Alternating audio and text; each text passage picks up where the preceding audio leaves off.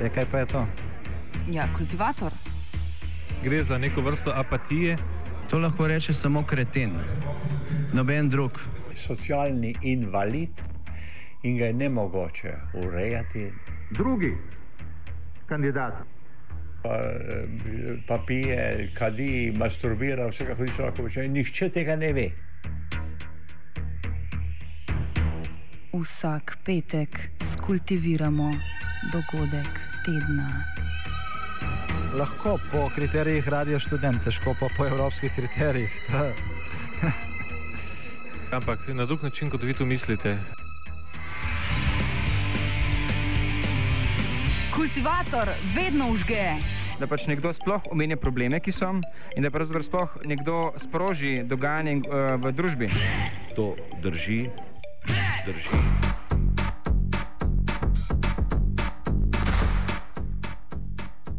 Evropska komisija je v sredo z akcijskim načrtom pozvala k krepitvi skupne obrambne politike. Za voljo gospodarske krize in vse splošnih finančnih rezov so morale evropske vlade in Bruselj, pa čeprav v primerjavi z drugimi področji precej nerado in počasi, zategniti tudi obrambne mošničke. Razglašena Evropska unija pa je v militarnem pogledu postala globalno nepomemben dejavnik. Bruseljski komisari so zato v sredinem akcijskem načrtu na področju skupne obrambne politike pred decembrskim vrhom voditeljev Unije v Bruslju v prvi vrsti pozvali k krepitvi obrambnih proračunov, se zauzela za več sodelovanja na področju vojaškega raziskovanja in sodelovanja, krepitev vojaške industrije pa naj bi vplivala tudi na celotno gospodarstvo Unije.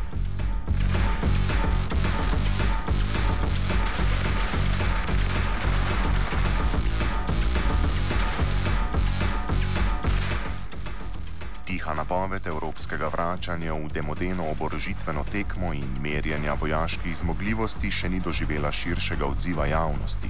Nekdanja slovenska obramna ministrica in obramboslovka Ljubiša, Ljubica Jelušič pa opominja, da je pobudo Evropske komisije potrebno gledati predvsem z vidika zmanjševanja sredstev za obrambo v preteklih letih.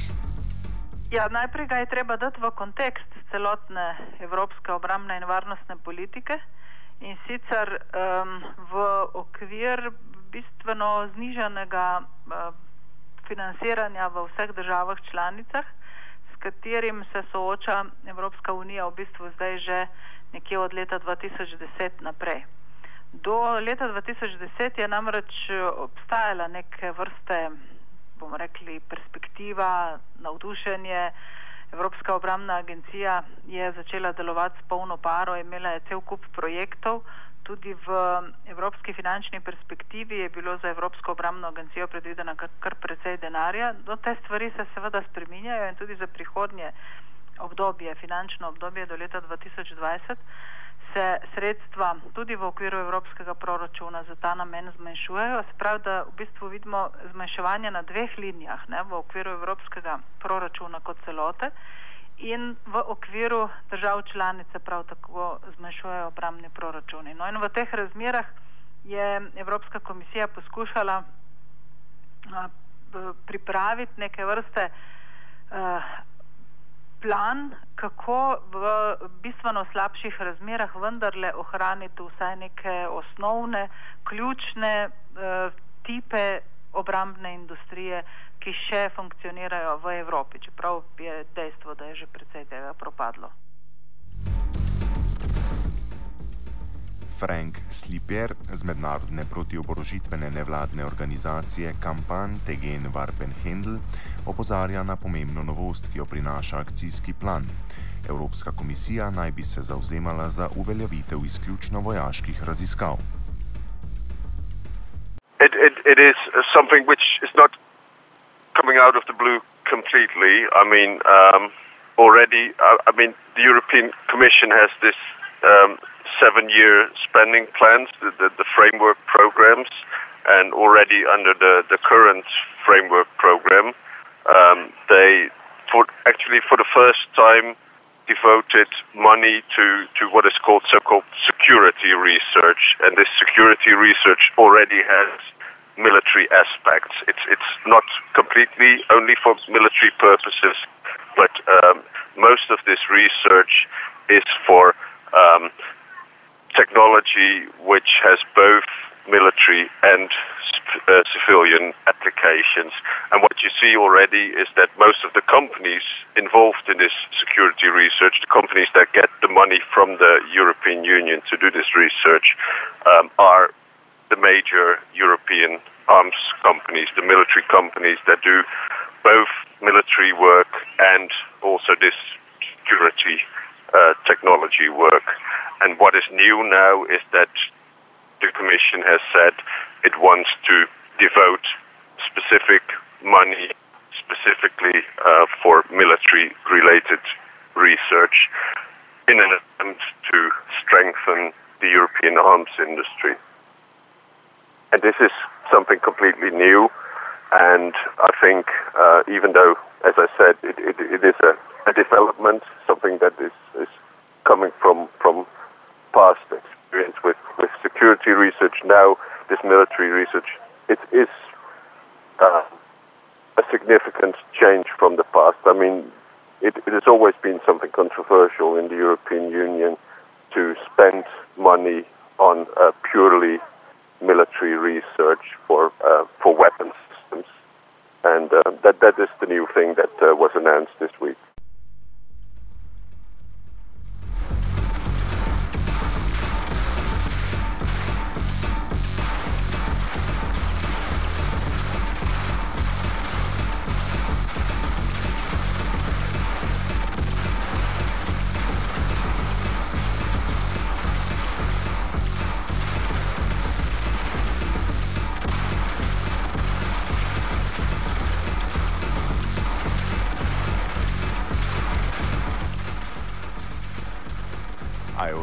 Komisija je vojaške raziskave po besedah Jelušičeve omogočala že prej.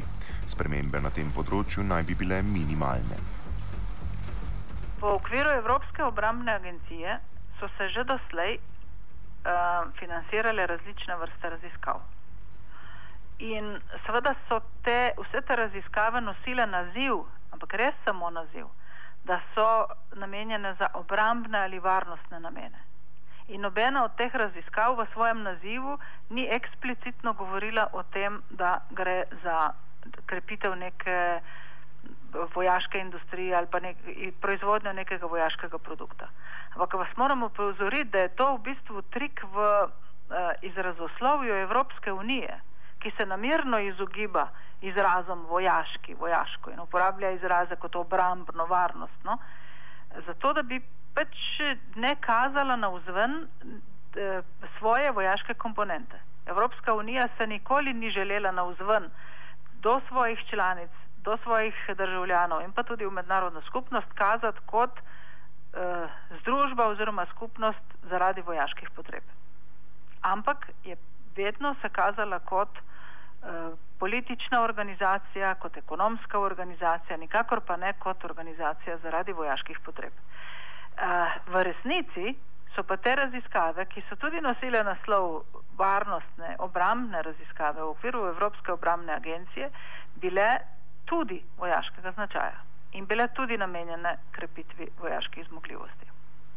Se pravi, da to, kar bomo zdaj videli oziroma na kar zdaj poziva v akcijskem načrtu Evropske komisije, pravzaprav ni tako zelo veliko novo ali drugačno od tistega, kar smo poznali doslej. Res pa je, da je večji delež, torej gre za delitev sredstev Evropske obramne agencije, tisti del, ki predzadeva raziskovanje, delitev teh sredstev je bila pa takšna, da se je večji delež vedno dajal v tiste raziskave, ki so lahko dokazale tako imenovano dual use oziroma dvojno uporabnost svojih produktov. Pravi, da so bili produkti uporabni tako za civilne kot za obrambne namene, so rekli. Ne? V resnici so večinoma um, šli ti produkti za potrebe evropskih vojsk. Tudi francoski uradnik Pierre-Henri d'Argenson pojasnjuje, da gre v tem primeru bolj za politično vojno med komisijo in vladami Evropske unije in ne za korenite spremembe. Za začetek pa razloži potek snovanja skupnega evropskega varnostnega sistema. The starting point was uh, certainly the Yugoslavian wars in the 1990s when uh, uh, the European Union proved uh, completely unable to uh, to act, and uh, without the United States, nothing would have been done. So the EU realized that very close from its borders there was a war going on, and no country was able uh, to unify everyone and to act. And so the United States intervened uh, in the uh, in the first wars and then in the Kosovo War in 1999. So there was a uh, there was a, um, um, well, m- most countries uh, realized that there's there was something to be done, and that was a, a real turning point. So the first big initiative was 1999 when this was the Saint-Malo summit between France and Britain, which is really the starting point of modern European defense. And so that was a, an initiative which uh, which started the whole uh, European uh, defense uh, process. And uh, so then uh, huge progress was made because in 10 years from 1999, no, no, sorry, it's 1998 uh, until uh, 2008, uh, 2010. In 10 years, huge progress was made because institutions, well, ESDP, as it was called, um, made considerable progress and uh, it built institutions such as the, the, Political and Security Committee, the EU Military Committee, the EU Military Staff, a Committee for Civilian Aspects of Crisis Management. Uh, there is now a permanent situation center. Uh, now the EU is uh, is uh, trying to build a kind of uh, embryo of of a secret service. so yes, and and it created some some pre-constituted armed forces like Eurocorps, Eurofor, Euromarfor, Eurogen 4, and 1,500 strong EU battle groups uh, deployable within 10 days. So, yeah, the, at the same time, it promoted uh, industrial cooperation. So, in 10 years, there was uh, there was huge progress.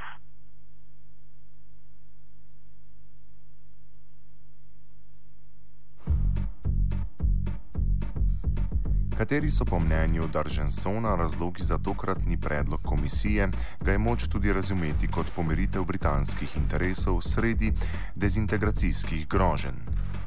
Uh, uh, that is not a coincidence that the Commission is intervening on that subject at a time when uh, when Britain is uh, is threatening uh, about withdrawing from the European Union. But it's not only that. I think it's um, it, it's wider than that. It's um, the Commission is uh, is exploiting uh, po- the political void about European defense. Uh, we saw from the two last military interventions in Libya and then in Mali uh, that there was uh, practically no European defense initiative. There was a, a real absence from uh, from the European defense defense level, except from some some some some small initiatives, but not not not decisive. Uh, so, uh, so there is a, currently a political void that the Com- European Commission is exploiting, and for long it has it has it, it, it is historically the Commission is starting is, is trying to uh, to uh, to work on the uh, member states' the traditional competencies. So so I understand perfectly this initiative as being as being a way uh, of putting uh, the um, uh, of of of, of having its own agenda going forward on that subject. So I think this is also a way of of provoking uh, the member states uh, by saying to them, if you don't uh, act, if you do nothing on European defense, well, we've got ideas and we we could we could act. And um, well, what is more uh, surprising in a way is that uh, um, it is, uh, to my view, I didn't read the uh, the, the whole uh, commission communication about uh, defense, but I think part of it is not yet within the commission's competence. So I think it's uh, the Commission is trying to see um, and to to expect what uh, to see what to to, uh, to test the member states and to see how uh, they will react, especially France and uh, and Britain. And uh, we'll see if uh, France and Britain, maybe Germany or other countries. Uh, will react on this initiative and will protest or saying, "Well, stop! Uh, you are uh, you are uh, working on my uh, on my uh, on my garden." So uh, uh, we'll see uh, if uh, if this is uh, if this is the reaction that we will uh, consider. Govorili smo tudi z evropskim poslancem, članom poslanske skupine evropskih liberalcev Ivom Vajglom. Sam idejo o vojaško močni Evropi razume kot nevarno. No, jaz mislim, da je razmišljanje o neki močni evropski vojski, ki bi posredovala v sporih ali, ali, ali aktivno posegala v vojne izven eh, našega eh, naravnega recimo, zaledja, ne, da je to zelo nevarna ideja.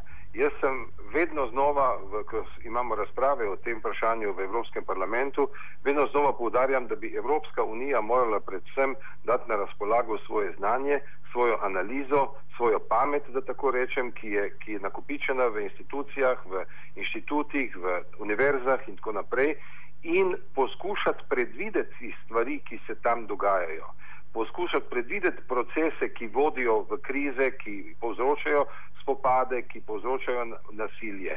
No, tega Evropa očitno ne dela in to ni sestavni del Evropske eh, skupne obrambne eh, in, in varnostne politike. Nažalost so pa ljudje tukaj ne, v Evropi, ki, si, ki eh, vidijo edino uh, področje svojega angažiranja, ki je vredno, uh, govoriti o vojaških potencijalih, govoriti o tem, da Evropa zaostaja za Združene države Amerike, ko gre za uh, uh, delež GDP-ja oziroma delež za obrambo v, v bruto nacionalnem produktu. Uh, jaz vidim uh, to idejo, recimo, če jih hočem dati neko pozitivno konotacijo, idejo o krepitvi nekih evropskih skupnih sil, vidim samo v funkciji uh, uh, čuvanja miru, uh, mirovnih misij, Eh, potem, ko je s političnimi sredstvi na politični način doseženo premirje, ko je dosežen mir, če ga je treba varovati, potem bi bile evropske sile verjetno zaželjene in zaželjeno bi bilo, da so tudi eh, ustrezno usposobljene. In kakšna je podpora tesnejšemu sodelovanju na obramnem področju znotraj Evropskega parlamenta? No, jaz mislim, da je vendarle v Evropskem parlamentu močnejša zavest o tem, da Evropa mora biti dejavnik stabilizacije, dejavnik razvoja, dejavnik eh, miru in, in seveda tudi še vedno dejavnik eh, v pomoči, v humanitarni in razvojni pomoči eh, ostalim delom sveta. Eh, seveda, lobiji pa so eh, zelo močni. Eh, v parlamentu jih občutimo vsak dan in lobiji seveda lobirajo za nekoliko radikal, radikalnejše raz, razmišljanja. In uh, jih najdete tudi seveda v Evropskem parlamentu. Uh, še lažje je očitno zlobirati, zlobirati komisijo, ne, ne smete pa pozabiti tudi na vlogo NATO-a in, in, in, in, in neko uh, tesno bližino pravzaprav uh, NATO z Evropsko komisijo ne, in tudi nekim kadrovskim prelivanjem in tako naprej na, na, teh, na teh relacijah.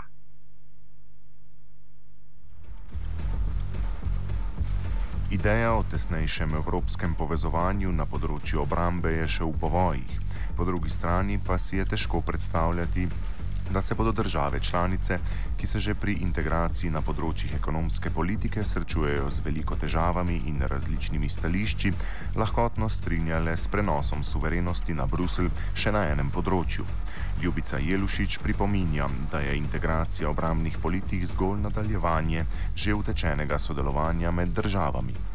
Ta eh, poskus, da se tudi na področju obramne industrije doseže neke vrste integracijo, je posledica obrambne strategije na področju delovanja različnih vojsk in obrambnih sistemov, ko se že nekaj let, natančneje bomo rekli dve leti, govori o tako imenovanem eh, združevanju in souporabi zmogljivosti. V angleščini rečejo temu pooling and sharing.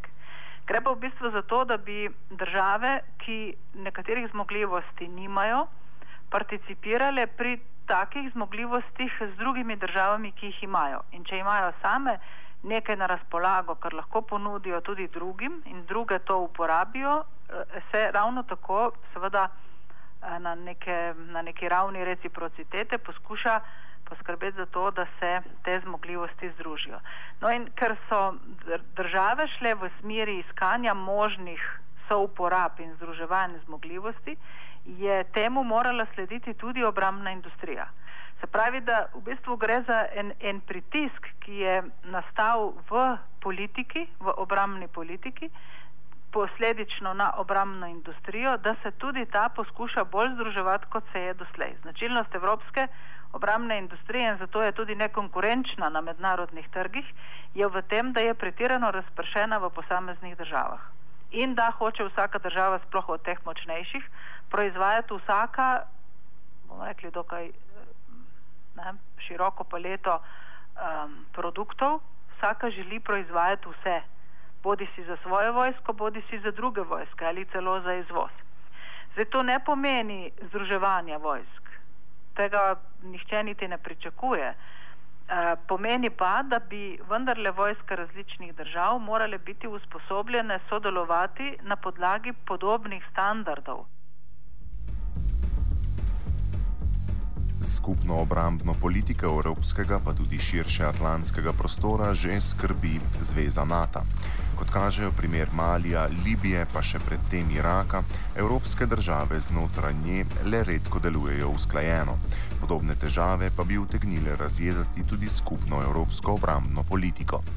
Jaz mislim, da ne zdaj, ne v prihodnosti, ne mora biti enotna tudi zaradi svojih zgodovinskih značilnosti zlasti, ko gre za politiko izven Evrope, se pravi za politiko, ki zadeva bodi si Severno Afriko, Bližnji vzhod, Srednji vzhod in tudi Azijo, Evropa težko prisili vse svoje članice v enotno mišljenje, ker so zgodovinsko gledano bile v drugačnih razmerjih do teh okolij. Nekatere so bile kolonialne države, nekatere so bile pa ostro proti imperializmu da nimo tudi nekatere vzhodnoevropske države, ki so danes članice Evropske unije. Spravi, na, na točki zgodovine odnosa do um, soseščine, evropske soseščine, bo Evropa, Evropska unija težko dosegla poenotenje stališč svojih članic. E, kar se tiče nekih specifičnih, zlasti vojaško-kriznih ali pa obramno-kriznih področji sveta, Evropska unija ne bo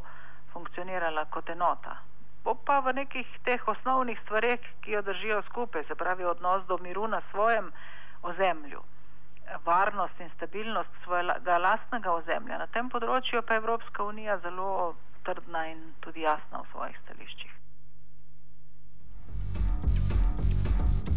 Pierre-Henri d'Argenson meni, da se Evropska unija kot taka vzpostavlja na prenosu iz političnega v birokratsko in predvsem zato varnostna politika ne bi smela biti v rokah Bruslja, temveč nacionalnih vlad. I think the European uh, um, defense matters should not uh, be transferred to uh, the community level. Uh, I think it should remain uh, inter uh, deeply intergovernmental uh, policy, and, and I think this is the key to its success. I think it would be very dangerous to uh, to transfer uh, uh defense uh, European defense policy to the to the let's say bureaucratic or at least uh, to the to the community level because it would mean that the European Commission in the end would have the power to call for a military operation, and I think. Um, there should be a very strong link uh, between um, between the military operations and the national uh, authority, authorities uh, from which, uh, and the, the, let's say the political community from which they emanate. Evropska unija se z akcijskim planom Evropske komisije in s pobudo po krepitvi skupne obrambne politike potiho vrača v globalno tekmo kazanja mišic, iz katere je za voljo krize in povojne demi demilitarizirane podobe, ki jo je gojila, že do dobro izstopila. Pa ne bi bilo dovolj smotrno, da bi Evropska unija, namesto da se je v evropski fitness vrnila, iz njega zvabila preostale tekmece. Ljubica Jelušič je prepričana, da kaj takega v tem trenutku ni sposobna.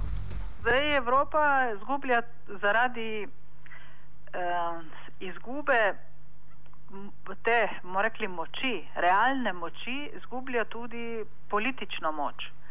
In tu se vidi v bistvu problem eh, mednarodnih odnosov, da tista območja oziroma države, ki so splošno močne, se pravi gospodarsko, vojaško, močne, so lahko močne tudi politično in se jih posluša. Problem Evrope pa je, da v bistvu, če tudi bi imela kakšne dobre namene, recimo, da bi poskušala promovirati razorožitvena pogajanja, kar bi jih lahko, ne na zadnje, je čas, da bi obnovili pogajanja glede konvencionalnega orožja oziroma zmanjševanja konvencionalnega orožja, ampak Evropa se v bistvu se je dobesedno udušila v svoji lastni gospodarski krizi in ne daje od sebe nobenih idej več glede uh, nekih sprememb mednarodnega sistema oziroma mednarodnega okolja. Kultivator sta pripravila Nejc Marcen in Matej Jankovič.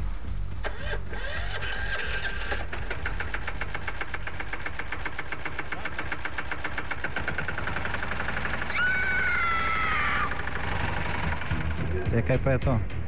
Ja, kultivator. Gre za neko vrsto apatije. To lahko reče samo kreten, noben drug. Socialni invalid in ga je ne mogoče urejati. Drugi kandidat.